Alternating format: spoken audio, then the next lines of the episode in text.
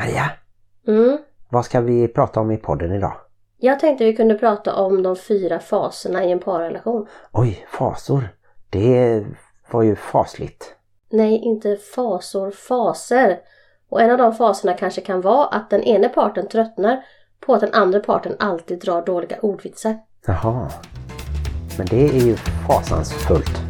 Don't tell me that your life is dull and grey. My only answer is hey, hey, hey, hey. Let's go crazy in the wild, and if by chance we make a child, that just means that we're alive and healthy. Hej och välkomna till avsnitt 244 av Bonuspappan och Plus mamman, en podd om livet i en bonusfamilj med tyngdpunkt på föräldraskap och relationer. Vi sänder i samarbete med Hallands Nyheter, dagstidningen i Varberg och Falkenberg med omnejd. En tidning som man gärna läser i pappersform men om inte annat alltid kan läsa i digital form på www.hn.se. Mm.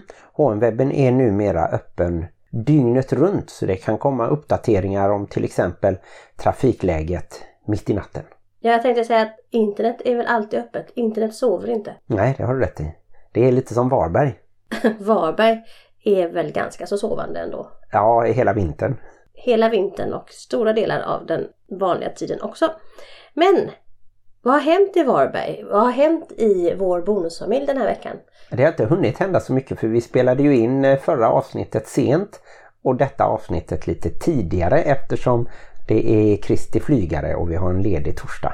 Japp, så är det. Men det har ju hänt lite roliga saker. Jag har ju fått mer fast jobb om man säger så. Jag hade fått lite fast jobb, 60% men nu har det blivit 100% så att jag är inte längre dagverksamhetsarbetare utan jag är nattverksamhetsarbetare helt och hållet. Ja just det.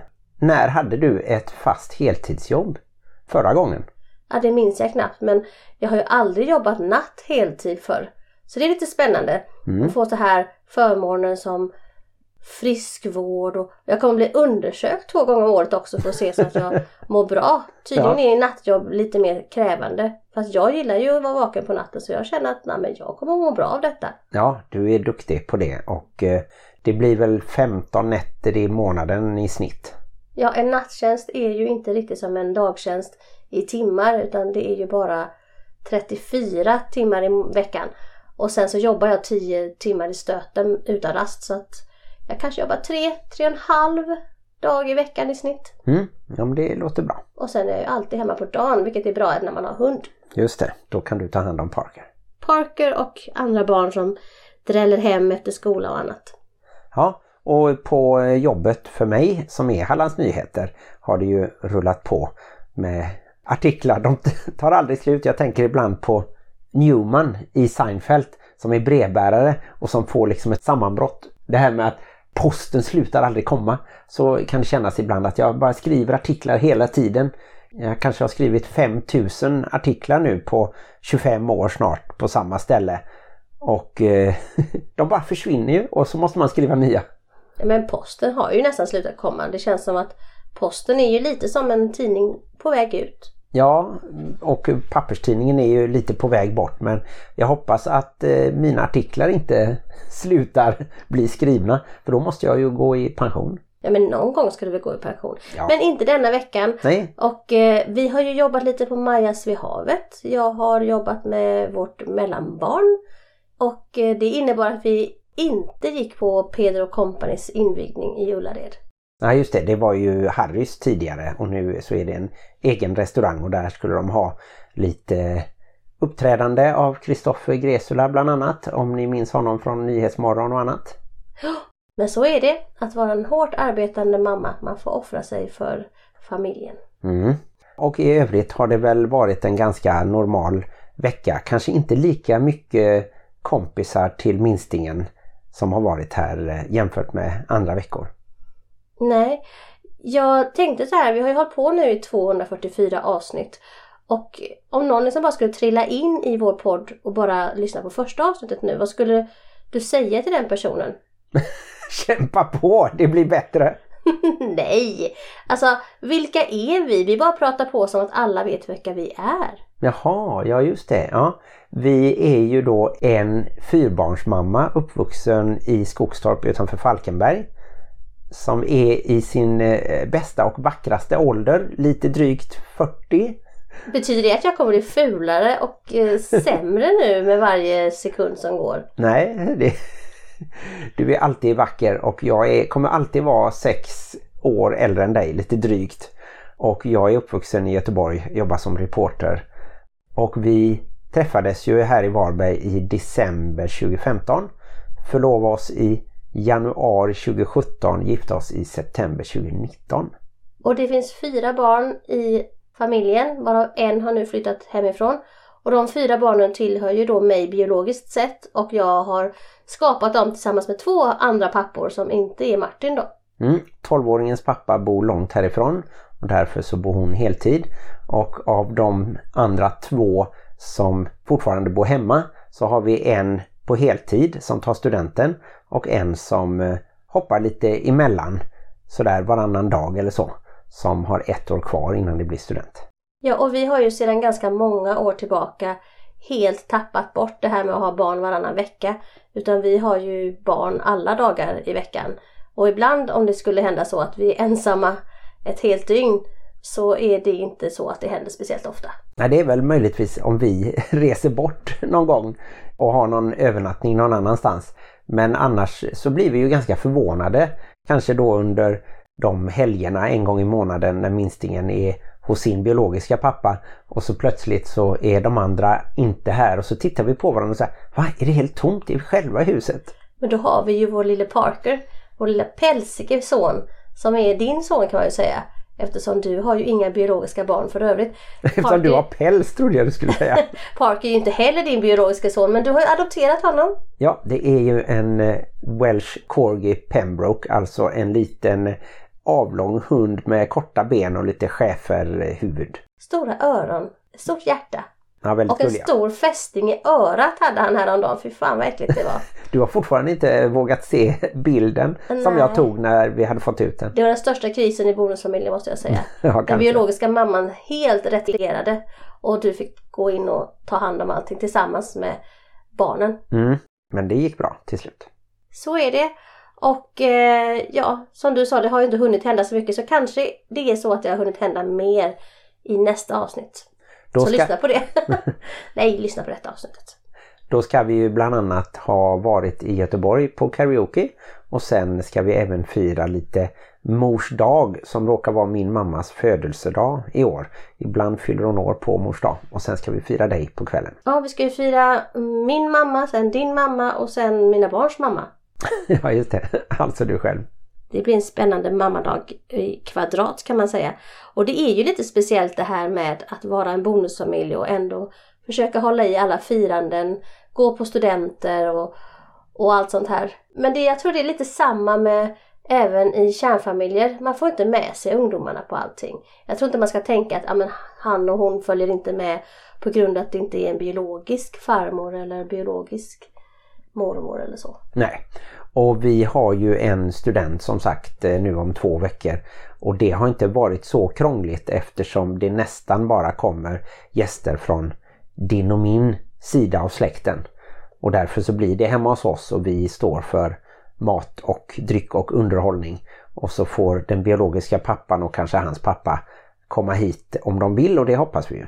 Ja men det ska de och det ska bli jättekul. Jag har inte träffat Nils-Erik alltså sen jag skilde mig. Din forna svärfar alltså. Ja och jag tror att han tycker om mig lite grann för jag brukar skicka bilder till honom på barnen.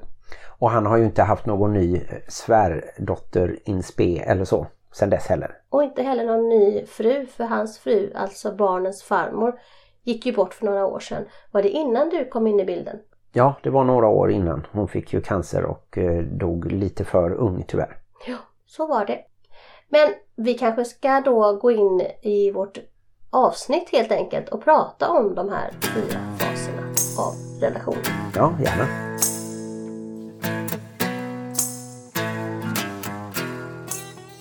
Ja, och då har jag ju frågan till dig såklart Martin. Vilka tror du att de fyra faserna är? Ja, just det. Och i vilken fas tror du att vi är? Ja, spännande. Det första måste ju vara någon slags förälskelsefas. Och jag har ju inte alls tittat på detta så Eh, finns det någon slags eh, sån där nyorientering, att man liksom lär känna varandra trots att man då är förälskad så att man eller om det är flytta ihop-fasen liksom där man börjar hitta rollerna och sen eh, kanske fas 3 är då någon slags eh, stabilitet där det stannar till och man eh, uppskattar varandra och man, man utvecklas till en familj och sen sista fasen är att man är ett eh, gammalt par där det inte händer någonting. Att man har vuxit ihop och blivit mer lika varandra kanske eller så. Men det händer någonting. Det kommer hända så mycket i den fasen. Men jag kanske ska berätta då de fyra faserna då enligt den här jättebra boken som vi haft med innan, relationsboken skriven av Gunilla Bransell och Ove Valodius. Och Gunilla kommer ju vara gäst här i podden framöver så det ska bli jättetrevligt att prata med henne. Men enligt dem så är i alla fall de fyra faserna då 1. Attraktion och förälskelse, så det hade du ju rätt i tycker jag. Ja, bra. Tvåan är ju konflikter, maktkamp och låsning. Och trean är förståelse och förändring och fyran är djup samhörighet och fortsatt utveckling. Och då undrar jag ju, vilken fas tror du att vi är? Jag vet vilken fas vi är eh, Ja, jag kan känna mig förälskad men jag tror att vi har gått vidare. Jag tycker nog Martin har gått vi... vidare. Nej men man kan ju ha med sig kärleken eh, förstås. Jag tycker inte att vi har några djupa konflikter som vi håller på och krigar om. Och vad sa du tredje fasen? Förståelse och förändring. Ja, vi kanske fortfarande är kvar där faktiskt. Att vi skulle kunna förändras. Men jag hoppas ju att vi är framme i fas 4. Djup samhörighet och fortsatt utveckling. Ja, men det kanske är lite väl optimistiskt av Ja, jag tycker du är lite optimistisk. Jag tycker faktiskt lite så att vi precis nästan har trillat ur den här konflikten, maktkamp och låsning, alltså den fasen. Och att vi är inne i den här mer förståelse och förändring. Jag undrar om vi har hoppat mellan där i så fall för att jag känner ju inte att vi har haft någon direkt låsning och några eh, speciella konflikter. Men det är för att du är man. Du har så inget koll. Det var så när jag lämnade min första man och jag sa nu lämnar jag dig och han såg ut som ett stort frågetecken. Och då tyckte ju jag att jag hade spenderat de senaste fem åren av vår lite drygt 15-åriga relation med att berätta för honom saker som jag tyckte var lite fel ja. i vår relation.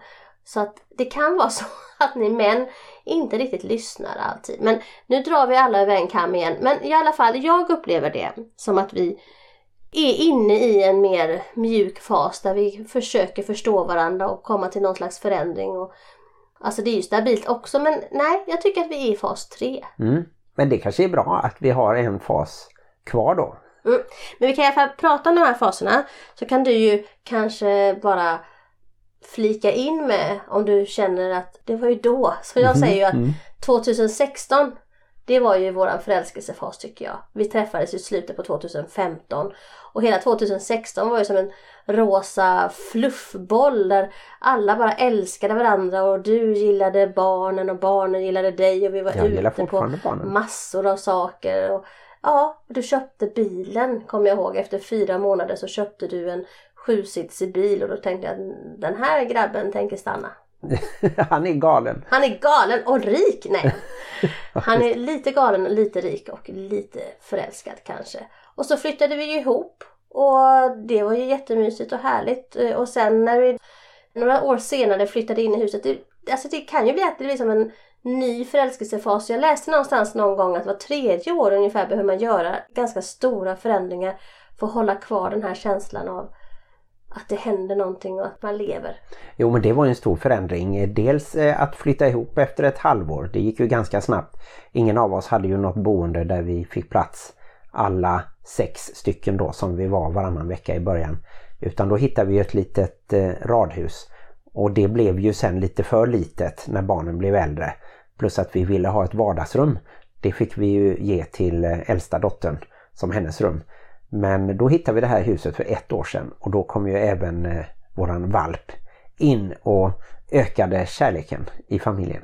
Ja, han blev ju lite som det här gemensamma barnet som alla kunde älska. Så alla älskar ju Parker, även om alla ibland tycker att han är lite jobbig och lite på. Men eh, innerst inne så älskar vi alla honom i alla fall. Ja. Men jag tänkte jag kan bara läsa några korta rader ur den här delen då som heter Attraktion, förälskelse, fas 1 av parrelationen. Attraktion och förälskelse kan upplevas på många olika sätt. Du kan till exempel tänka Vilka underbara samtal jag kan ha med den här människan. Vilken stark människa. Den här personen klarar motgångar. Oj, tänk att få dela säng med honom eller henne. Om jag blir ihop med henne eller honom behöver jag nog inte oroa mig för ekonomin. Den här personen kan jag tänka mig som förälder till mina barn. Det här var en spännande och intressant människa. För vissa människor upplevs förälskelsen som ett rus i början av relationen. För andra så utvecklas det först en vänskap som gradvis övergår till kärlek. En del personer väljer att hålla en viss distans i början tills de vet mer om personen de har träffat. Man har blivit bränd i tidigare relationer och då är man ofta försiktigare i en ny relation. En del menar att det är lättare att uppleva förälskelse när de känner tillit och trygghet i relationen. En risk med förälskelsen är att man förskönar sin partner eftersom man är i ett förändrat medvetandetillstånd. Och så kan man väl tänka att det var? Eller? Nej, jag tyckte att du eh, var vacker eh, så jag behövde inte försköna det på något sätt. Men det jag tänkte på när du läste var ju att jag tror att det på ett sätt var bra att vi båda, trots att vi då var ganska eh, nyblivna singlar sen sommaren kanske då, så att mindre än ett halvår, att vi inte var sådär jätte på att vi ville hitta någon kanske. Eller särskilt inte du då. Du hade ju sagt det att du skulle leva själv och så. Det var vissa omständigheter, det har vi pratat om i tidigare avsnitt. Men att vi ganska snabbt liksom gick in i en vardag utan att attraktionen försvann. Men det fanns liksom någon slags ömsesidig trygghet och att det var liksom avslappnat. Och vi hade inte en sån lång datingfas som man tänker sig att det skulle vara om vi var fortfarande tonåringar och inte båda över 40 då. Mm. Jag tänker som det här ordet trygghet att det är faktiskt viktigt. Dels så var jag ju trygg i att jag faktiskt inte sökte en relation. Så mm. jag hade liksom vinst och förlust var samma sak för mig. Att funkar det så funkar det, funkar det inte så funkar det inte. Men också den tryggheten att du spelade ju inga spel. Jag tänker att en del försöker ju då, det ser man ju kanske på filmer, att man ska spela svårflörtad eller man ska liksom, ha någon slags, ja, du ska inte ringa för ofta och allt sånt här. Utan du var dig själv med en gång så att jag kände mig inte osäker på dig. Även om det kan ju öka spänningen och man kan tro att man är mer förälskad om man är lite osäker och man tänker att oj, älskar han mig eller älskar han mig inte. Alltså jag kände mig ganska så snabbt säker och trygg med dig. Mm. Och du försökte skrämma bort mig lite att du så sa du att kände dig inte trygg med mig? du hade fyra barn med, med två olika pappor. Men eh, jag tänkte ju att jag måste ju lära känna dig när jag märkte att det fanns en gnista och försöka liksom eh, utforska den relationen oavsett. Och sen så var jag ju inte kanske rädd att bli bonusförälder eftersom jag inte har egna biologiska barn. Så, så visste du inte vilket helvete du nej, gav dig in i? Det kanske var det att jag inte tänkte att det skulle vara så jobbigt. Du tänkte att man ger dem mat, man eh, ja. skjutsar dem till skolan och så är det bra. Nej men jag tänker att där kommer ju den andra delen, ärlighet in. Jag tänker att för att en förälskelse ska kunna gå från första fasen till den andra fasen så krävs trygghet och ärlighet. Mm. Jo men vi var ju öppna och vi identifierade ju ganska tidigt att vi hade en del områden där det kunde finnas potentiella krockar. Både liksom lite mer allvarligt menat och sen lite mer på skoj det här med att du gillar AIK att jag hejar på Blåvitt. Alltså det är väldigt allvarligt. Det där var jättejobbigt för mig på, på, en nivå ja. men på en annan nivå inte. Det är fortfarande ganska jobbigt. Jag minns en gång när vi var på fotboll och då hade vi min svärfar, alltså din pappa med. Och då kände jag att skilsmässan var nära. Ja men eh, jag håller med om det att eh, han överdrev lite eftersom han dessutom är uppvuxen i Småland och även om han har bott i närheten av Göteborg väldigt länge och hejade på IFK och, och de vann på Ullevi mot eh, AIK då. Så eh, blev det lite överdrivet ja. Vi var två mot en på något sätt. Och så, ja, så mm. jag vill inte prata om det. Det är fortfarande jobbigt. ja. Men hur som helst, för älskelsefasen är ju ganska behaglig att vara i för de flesta. En del kan ju ha lite ont i magen som sagt när man känner sig lite osäkerhet. Och, men annars är det ju ganska det rullar på helt enkelt. Och sen så kommer man ju in i den här andra fasen som är konflikter, maktkamp och låsning. Och då är det väl lite som att de rosa molnen har lättat lite. Man kanske har putsat glasögonen en smula. Och så kan man antingen fastna i att bara se skavanker och fel och brister. Och det är inte så bra. Eller så kan man tillsammans se sånt som kan förbättras helt enkelt. Ja, framförallt så tror jag att eh, man måste inse att man inte kan leva ihop oavsett om man är förälder och barn eller om man är gifta eller om man är syskon eller bara väldigt bra kompisar. Eller, det går liksom inte att leva ihop helt utan konflikter. Och kommer man fram till att man verkligen tycker olika om en sak så är det viktigare att lära sig att acceptera det. Att okej, okay, du tycker att man ska göra på det sättet i den situationen. Till exempel när vi äter middag med barnen. Vad vi ska ha för regler då. Och om jag inte håller med så får jag ju ändå acceptera det. Och så får man, eh, någon får liksom backa lite då. Jag tänker att just de här maktkamperna blir något större när det är en bonusfamilj som ska bildas. Just på grund av att man har med sig så mycket i sitt bagage. Inte bara så här traumatiska saker utan även de här vardagliga sakerna som du berättade om. Hur man beter sig vid matbordet och hur man gör vid högtider och, och annat. Och jag tänkte läsa en liten kort del ur boken här mm. under den här fasen. Och här står då i den här fasen formar parterna roller och positioner som inte alltid är positiva.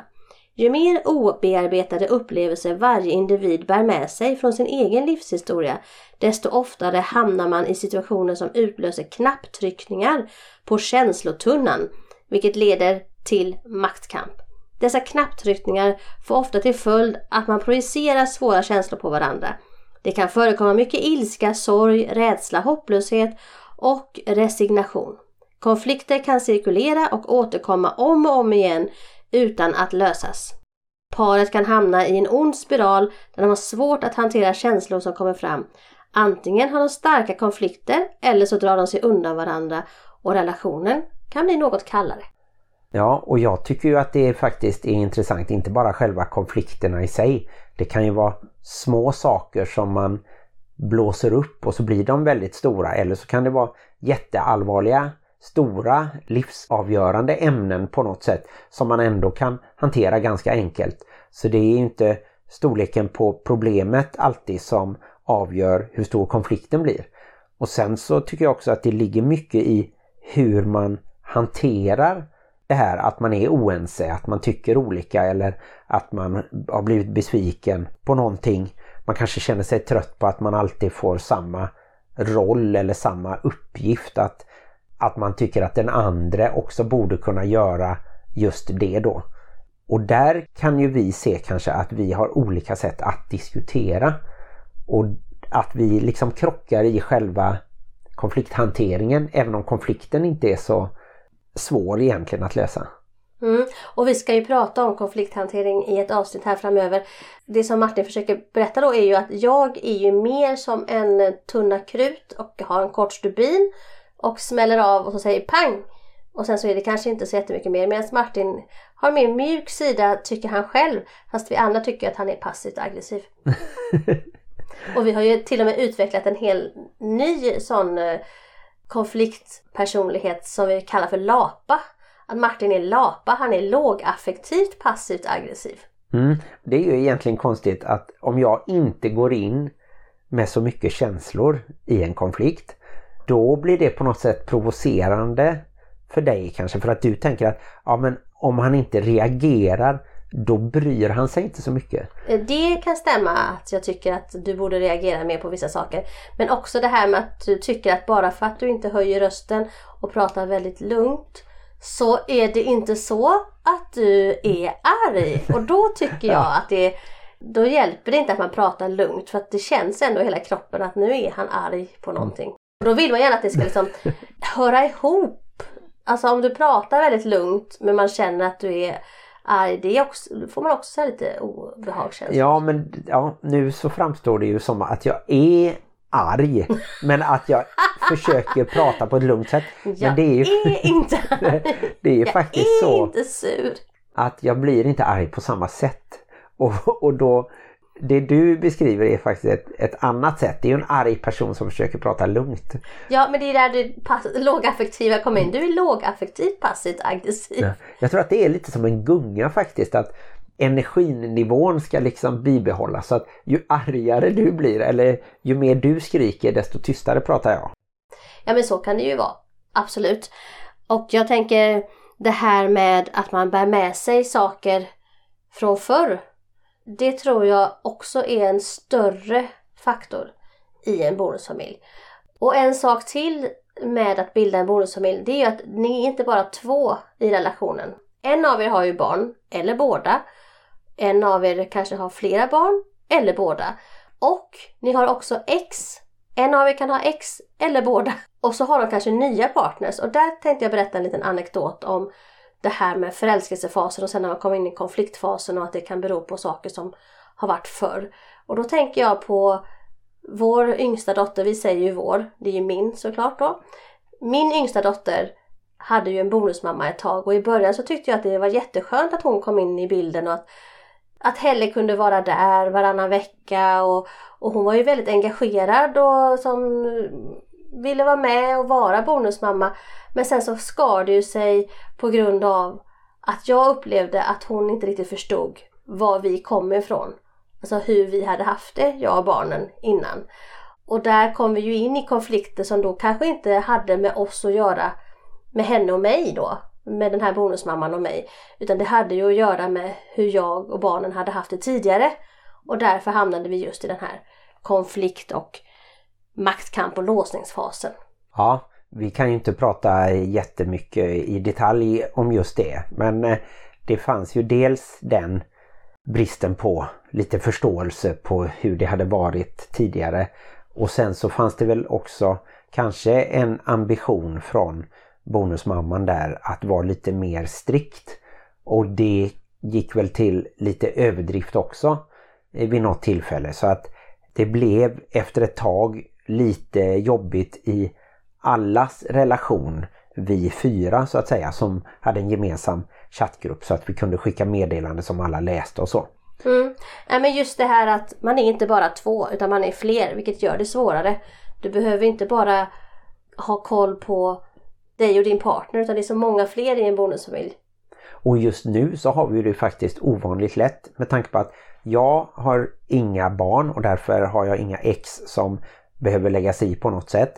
Du har ensam vårdnad om Helle och därför så behöver vi inte ha någon direkt kontakt med hennes pappa oavsett om han har träffat någon ny eller inte. Så egentligen har vi då bara en pappa som inte har någon ny partner. Så vi har ju ovanligt få som vi behöver ta hänsyn till. Vi kan ganska mycket köra ett eget race faktiskt. Men kan du tänka dig då att även vi som har det så fantastiskt eh, enkelt då ändå ibland krockar i våran bonusfamilj? Ja, dels att vi krockar och vi krockar med barnen. Eh, bara sådana här enkla saker som eh, städning eller att gå ut med hunden eller vad som helst kan det ju bli lite gnissel och så. Men jag tycker att det är sällan som vi har några större konflikter med andra föräldrar i våran bonusfamilj just nu i alla fall. Nej, precis. Men vi skickar med er andra att vi förstår att just det här med att det är fler människor, både vuxna och barn inblandade, gör det svårare att reda ut relationerna i bonusfamiljen. Men hur som helst så ska vi gå vidare till den tredje fasen i parrelationen. Och det är den här fasen som heter förståelse och förändring som jag då upplever att vi är i och att vi ganska nyligen gick in i. För jag tycker att vi har haft en del sån här småtjafs och, och sånt och sen så har vi liksom ändå kommit runt det och är inne i en fas där vi känner att vi har lite förståelse för varandra och att vi, vi vill ha en förändring på vissa fronter och, och jag har, tycker att jag har lyssnat på dig, vad du tycker. Du behöver mer tid bland annat. Och jag har känt att ja, men jag ger Martin mer tid genom att jag hjälper till mer att gå ut med hunden och, och att jag kanske inte gnäller så mycket över att jag lagar mat eftersom jag tänker att jag är bra på att laga mat och jag behöver inte ha millimeterrättvisa där. Jag kan ha större ansvar för maten och sen så har jag också lyssnat på dig när det gäller att vara tydlig med information och att jag liksom säger till i god tid när jag vet saker som Mm. jag då, då så jag känner att jag har gjort en del förändringar och eh, ja, vad har har du gjort för förändringar Martin? Jag tycker faktiskt att jag försöker ta mer ansvar till exempel i, i köket och täcka upp lite där med lite mer diskning. Tvätten sköter jag ju alltid sedan tidigare och nästan all handling, köpa in all mat och eh, Men när jag får min barn hela tiden. Då Ja. kommer det att bli ännu bättre i vår relation. Det känns ju ändå bra att du nu kommer att jobba heltid. För det kan ju ha varit så att jag har haft en liten avundsjuka att jag jobbar heltid och så lägger jag kanske en timme på att skjutsa dig till och från jobbet och så jobbar du inte heltid och så ska jag ändå göra hälften av allt hemma. Och då har jag blivit lite stressad. Eh, Men eh, Här kommer det ett litet nervöst skratt där. Här kommer det fram i podden att du har haft avundsjuka mot att jag har varit ledig. Och jag har ju sagt till dig, var inte avundsjuk på det. Det finns så mycket att göra hemma. Ja, som absolut. du gärna slipper. Absolut. Och eh, jag tycker också att vi har hittat eh, våra roller där. Jag tror inte de här faserna är så knivskarpa att man, ja, där var det i november 2021. Ja, men jag vet exakt till... när det hände. Det var när du kom hem från Småland. Då gick vi över i förståelse och förändringsfasen. Jaha, men det var rätt nyligen. Det var Ja, ju precis. för att vi hade inte varit ifrån varandra på några år kändes det som och du saknade mig så mycket. Ja, men jag kände det ett, ett tag där så kände jag att jag nästan skulle kunna leva utan dig. Men så insåg jag att jag kan inte det. Nej, jag kanske ska åka bort fler gånger. Nej, gör inte det. Det var jobbigt. Mm. Men här vill jag då läsa en liten passage om att vara i den här fasen då. När ni som par kommer in i denna fas har ni troligen fattat ett gemensamt beslut om att påverka den negativa situationen i en positiv riktning. Båda är villiga att arbeta individuellt och gemensamt för att förstå sig själv och varandra bättre och därigenom lättare genomföra förändringar. Det gemensamma beslutet stärker er känsla av att vara ett team som går mot ett gemensamt mål. Men det är väl fint? Ja, Och det visar ju också att det är inte så att man är speciell för att man kanske hamnar då i den här andra fasen där det är maktkamp och, och liksom tjafs och bråk. Utan det är liksom meningen. Frågan är bara, väljer vi att ta oss igenom den och gå vidare som ett team? Eller väljer vi att låta det knäcka oss? Mm. Och sen så tror jag ju också lite det du känner kanske att det också kan bero på att jag kanske har insett att det är inte så lätt som man kanske tror att ha då fyra barn mellan 12 och 20 där det kan finnas diagnoser eller psykisk ohälsa och där man kan uppleva att eh, vi har huvudansvaret av de ändå då fyra föräldrar som finns eller så. Att man faktiskt måste inse att ja, men, livet kan vara ganska tufft. Det kan vara stress på vardagar och det kan vara långa dagar och, och sådär. Och jag vet inte om jag har tidigare känt att det har liksom rullat på lite enklare och jag har nog mer tänkt så här att ja men eh, vi kommer orka klara det här de några år till när det är den här höga pressen. Sen så kan man ju faktiskt se framåt att man kan få en vuxen relation med barnen. Träffa dem när de börjar bilda egna familjer eller bo hemma. Eller bo själva och sådär. Och att det kan bli en väldigt spännande ny nivå.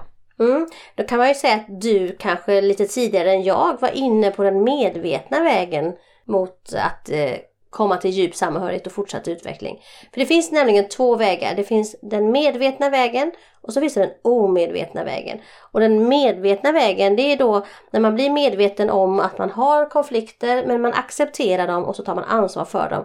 Och så väljer man att göra en känsloläkning och liksom göra ett förändringsarbete både med sig själv och som par då. Ja, det kan jag inte ta åt mig äran för. Jag tycker ju att du ligger före mig vad det gäller kanske individuell förändring. Jag kanske mer har stannat i något som jag tror är tillräckligt bra. Ja men hur som helst så leder i alla fall den här vägen till så här, större närhet, livskänsla och kreativitet och värme. Och det är där jag känner att jag är. Jag är liksom inne i den här större närheten och livskänslan och den kreativa värmen och allting. Ja men det, det var det jag försökte säga förut också att jag har liksom en framtidstro och att jag ser optimistiskt på, på de kommande åren så. Att det finns många roliga saker som vi kan uppleva och göra tillsammans och få ännu bättre ordning här hemma och sådär. Mm. Men jag kände faktiskt att jag var lite på väg in på den omedvetna vägen där så jag tänkte jag ska läsa lite om den också Aha. och se ifall du känner igen det. Och den omedvetna vägen den leder till att alla de här negativa programmeringarna som man har i sig de kommer fram och så drar man sig kanske undan eller attackerar och projicerar och går in i de här maktkamperna. Och då blir det ju en dålig relation och sen så fastnar man där. Så att jag tänker att de här konflikterna och maktkamperna de är inte farliga i sig. Men om man fastnar där och inte beslutar sig för att antingen då acceptera eller utvecklas. Det är då det kanske leder till skilsmässa eller annat. Mm, nej, det kan jag tänka mig. Och lite också det här att det kanske gäller att identifiera om man mår dåligt, om det beror på en själv eller om det beror på ens partner då eller någon annan person i ens närhet. Det kan ju vara att man vantrivs på jobbet eller att man har en konflikt med bonusbarnen till exempel som inte går att lösa. Det kan vara till och med så att barnen skulle vilja flytta på grund av en bonusförälder. Det skulle vara jättetragiskt. För då borde ju bonusföräldern flytta istället kan jag tycka. Men, och så är det ju inte för oss men jag tänker att de personliga spökena som man har eller ohälsan att man inte projicerar ut den på den andra. Ja men det är svårt för att jag tror att man lätt hamnar i provocering. Man hamnar ju ofta i den här kommentaren Du gör mig så arg och jag blir helt galen för att du gör si och du gör så. Och jag tycker det känns väldigt verkligt. Man tänker att ja, men bara Martin hade gjort så och bara Martin hade gjort si så hade allting blivit mycket bättre. Men jag har ju känt det att den bästa utvecklingen kommer ju när jag jobbar med mig själv. Sen är det ju ganska dödsfött ifall man bara jobbar med sig själv. För om inte den andra är med på banan så är man ju fortfarande ensamstående i en relation. Men jag känner att vi ändå har kämpat på tillsammans. Kämpat och kämpat, vi kanske inte har kämpat men ändå, vi har liksom rört oss ut ur konflikt och maktkampsläget och mer in i förståelse. Ja.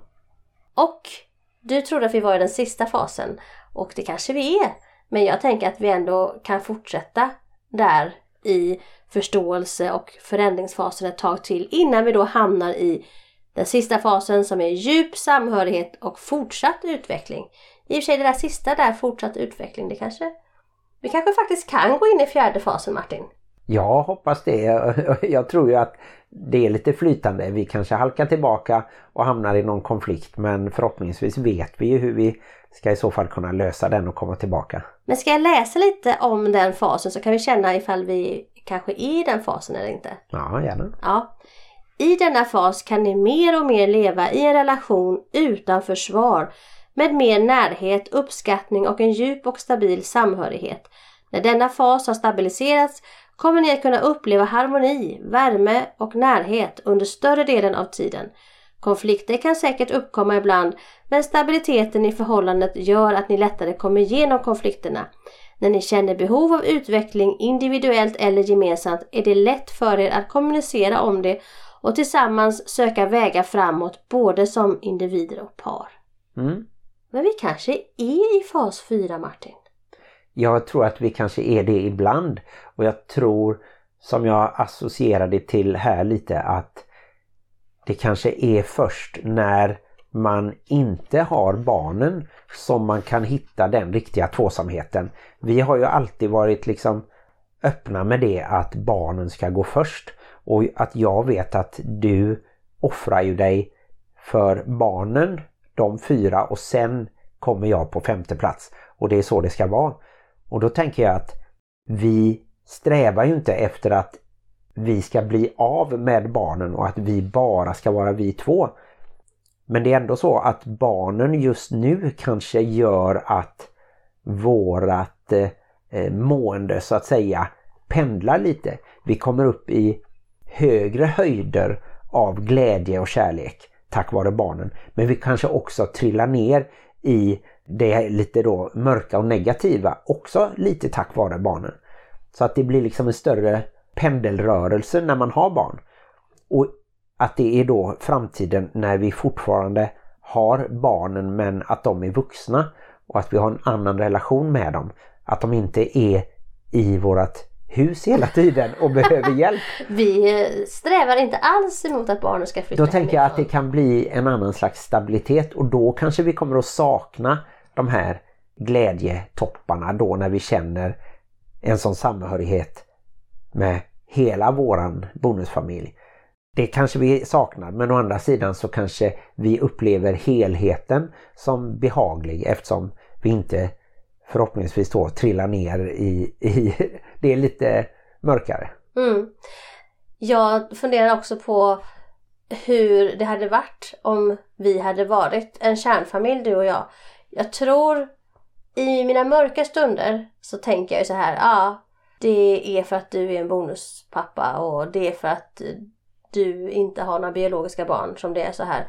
Men jag tror att konflikterna hade nog varit ganska lika.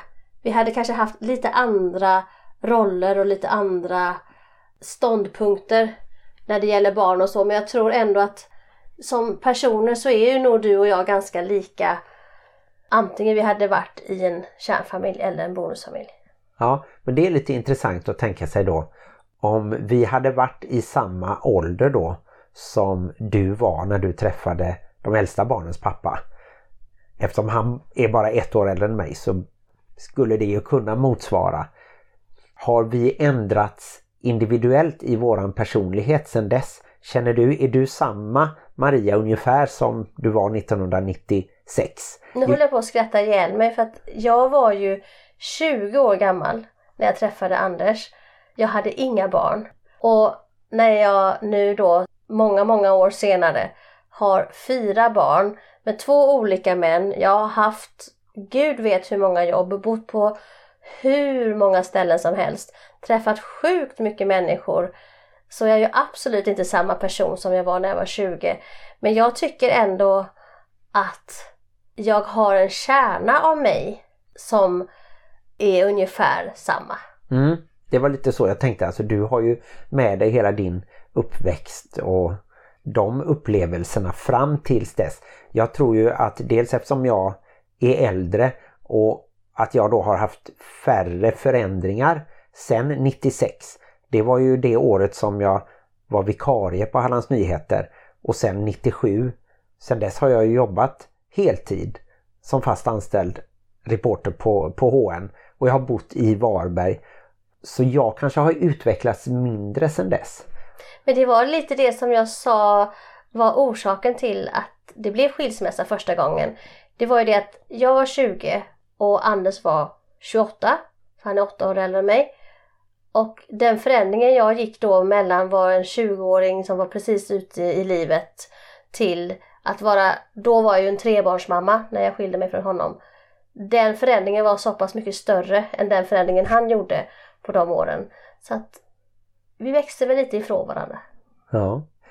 Det är ju spännande att fundera på. Hade du vuxit ifrån mig på samma sätt eller? Jag är på väg att växa ifrån dig Martin. Jag kommer att spurta där på slutet. Å andra sidan så har du ju sagt mer än en gång att jag är väldigt olik barnens två pappor.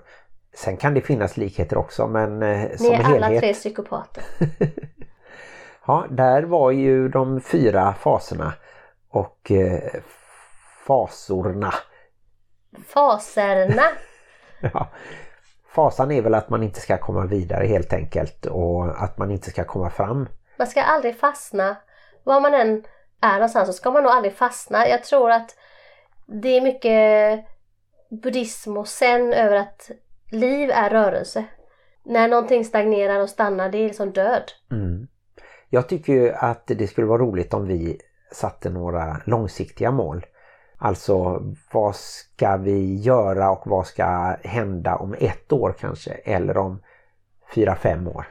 Jag ska köpa min moppebil då och bli fri från dig och alltid behöva fråga om jag får skjuts. Ska jag ha min lilla moppebil och köra omkring här i Varberg. Det är väl en liten kul grej. Mm.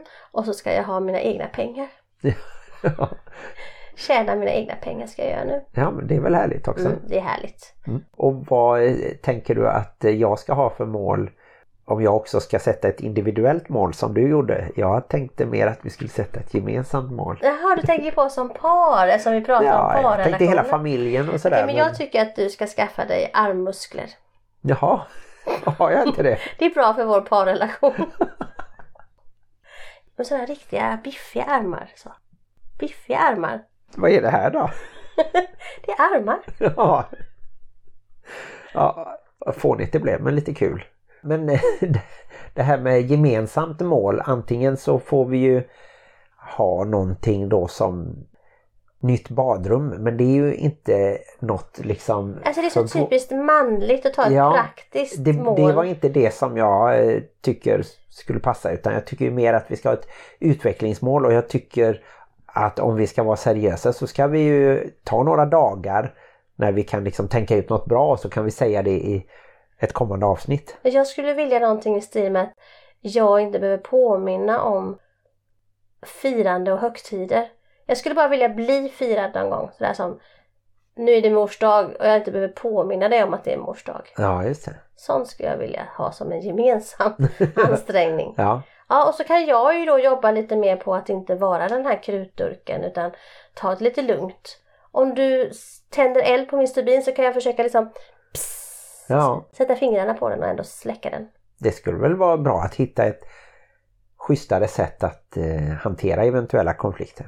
Ja, men om jag blir mindre krutdurk så kan du bli mindre lapa. Mm. Men du behöver inte närma dig mig så jättemycket utan jag kan närma mig mer dig. För jag tänker ändå att ditt sätt är bättre än mitt sätt. Att inte vara en krutdurk. Ja, kanske det. Heter det durk eller dunk? Durk tror jag. En durk. Ja. Vad är en durk? ja, i alla fall. Nej men lite sånt. Vi kan väl eh, spåna på det. Jag tänkte bara jag skulle dra ihop säcken nu innan vi avslutar detta avsnittet. Och det är ju att vi har idag gått igenom de fyra faserna i en relation. Och eh, jag tänker att även efter den här sista fjärde fasen så finns det ju en del spännande faser. Som du pratar om att vad händer sen när vår familj bara består av dig och mig och de barnen är utflugna och så. Det blir en helt annan sak. Är vi fortfarande en bonusfamilj då ens en gång? Ja, men det som jag tänker att jag kan se fram emot är ju att få bli en morfar eller farfar som inte är så mycket bonus utan då får jag ju vara med från allra första början och förhoppningsvis vara lika delaktig oavsett biologi. Ska vi kalla podden för bonusmorfar och plusmormor då? ja, kanske. Ja, det blir spännande att se ifall vi fortfarande kör podden om tio år. Ja, först så ska vi ju snart ha ett femårsjubileum. Helt otroligt.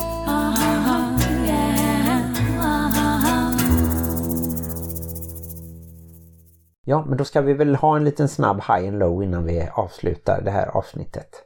Ja, och jag kan väl börja med min low då. Och det är kanske att jag inte längre kommer jobba på dagverksamheten som jag har älskat i så många år.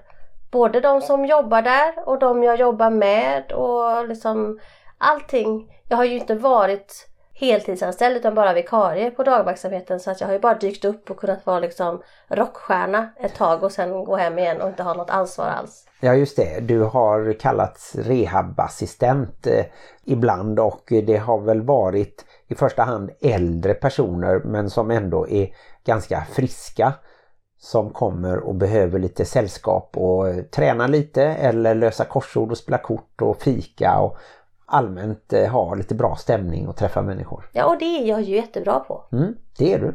Men min high får ju vara då att jag har fått fast anställning som personlig assistent i kommunen. Mm.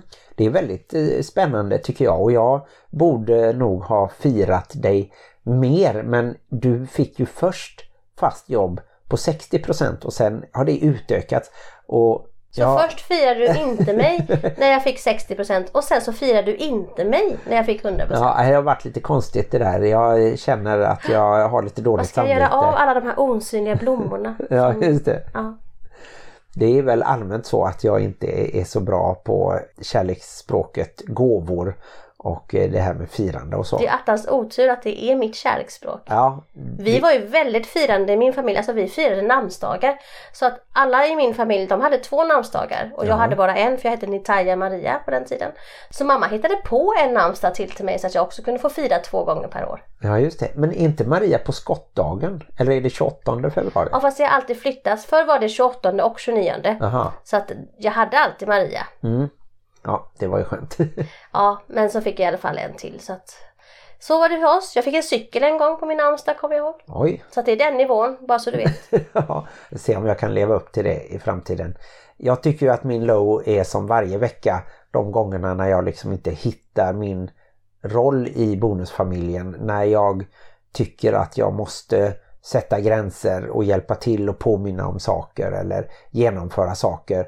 Att jag inte riktigt eh, litar på att du ska ta initiativ till att räkna matte eller vad det ska vara då. Även om det är jag kanske som gör själva stöttningen av barnen i just det fallet. Så att ja, det, det blir lite mm, dålig stämning ibland. Men det är väl bra att du påminner dig om att det är ditt low så att du kan göra en förändring. Ja, faktiskt. Det är ju första steget att kanske identifiera det som man vill ändra på då. Sen tycker jag väl haj, förutom eh, det här att det har varit väldigt skönt att vara ledig en torsdag mitt i veckan.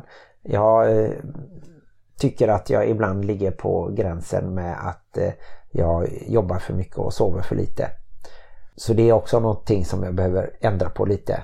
Så blir jag ju glad varje gång jag kan faktiskt hjälpa barnen eftersom ett av mina tydligaste kärleksspråk är tjänster.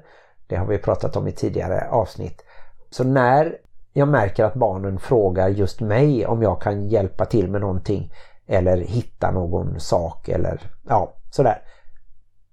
Och jag klarar det och jag får ett tack så känner jag att ja, men då har jag liksom gjort nytta. Det mår jag bra av så det blir en liten haj. Hej hej! Och det var väl allt för den här veckan och vi hoppas att ni vill lyssna på oss nästa vecka och vi hoppas även att ni vill skriva till oss. Och det kan ni ju göra via våra sociala medier, Instagram och Facebook och även våra långa fina e-mailadress. bonuspappan.plusmamman gmail.com Tack för att ni har lyssnat. Jag såg att vi var uppe på plats 48 idag på eh, iTunes topplista i eh, våran kategori barn och familj. Och det är ju härligt att vi fortfarande kan eh, ploppa upp bland alla kändisar. Vi knagglar fram, vi knagglar på. Vi drar oss, vi, vi suger oss fast som en rejäl äcklig fästing. Ja just det. Jag lovar att inte lägga ut eh, den bilden någonstans men om någon enstaka person vill se den så kanske jag skulle kunna skicka den. Fy! ja, nej den var hemsk. Eh, nu säger vi så här. Glöm inte att livet i bonusfamiljen kan vara besvärligt. Men också härligt. Hej då! Alltså jag blir lite nyfiken på att titta på den där fästingen i alla fall. Fast Ja. samtidigt, nej, jag kommer inte kunna sova då. Men det blev en rätt häftig bild ändå. Som jag tog när vi hade dränkt fästingen där i en av de här matlådorna, en grön. För då blev Men liksom säg inte så, du kan inte använda den matlådan mer.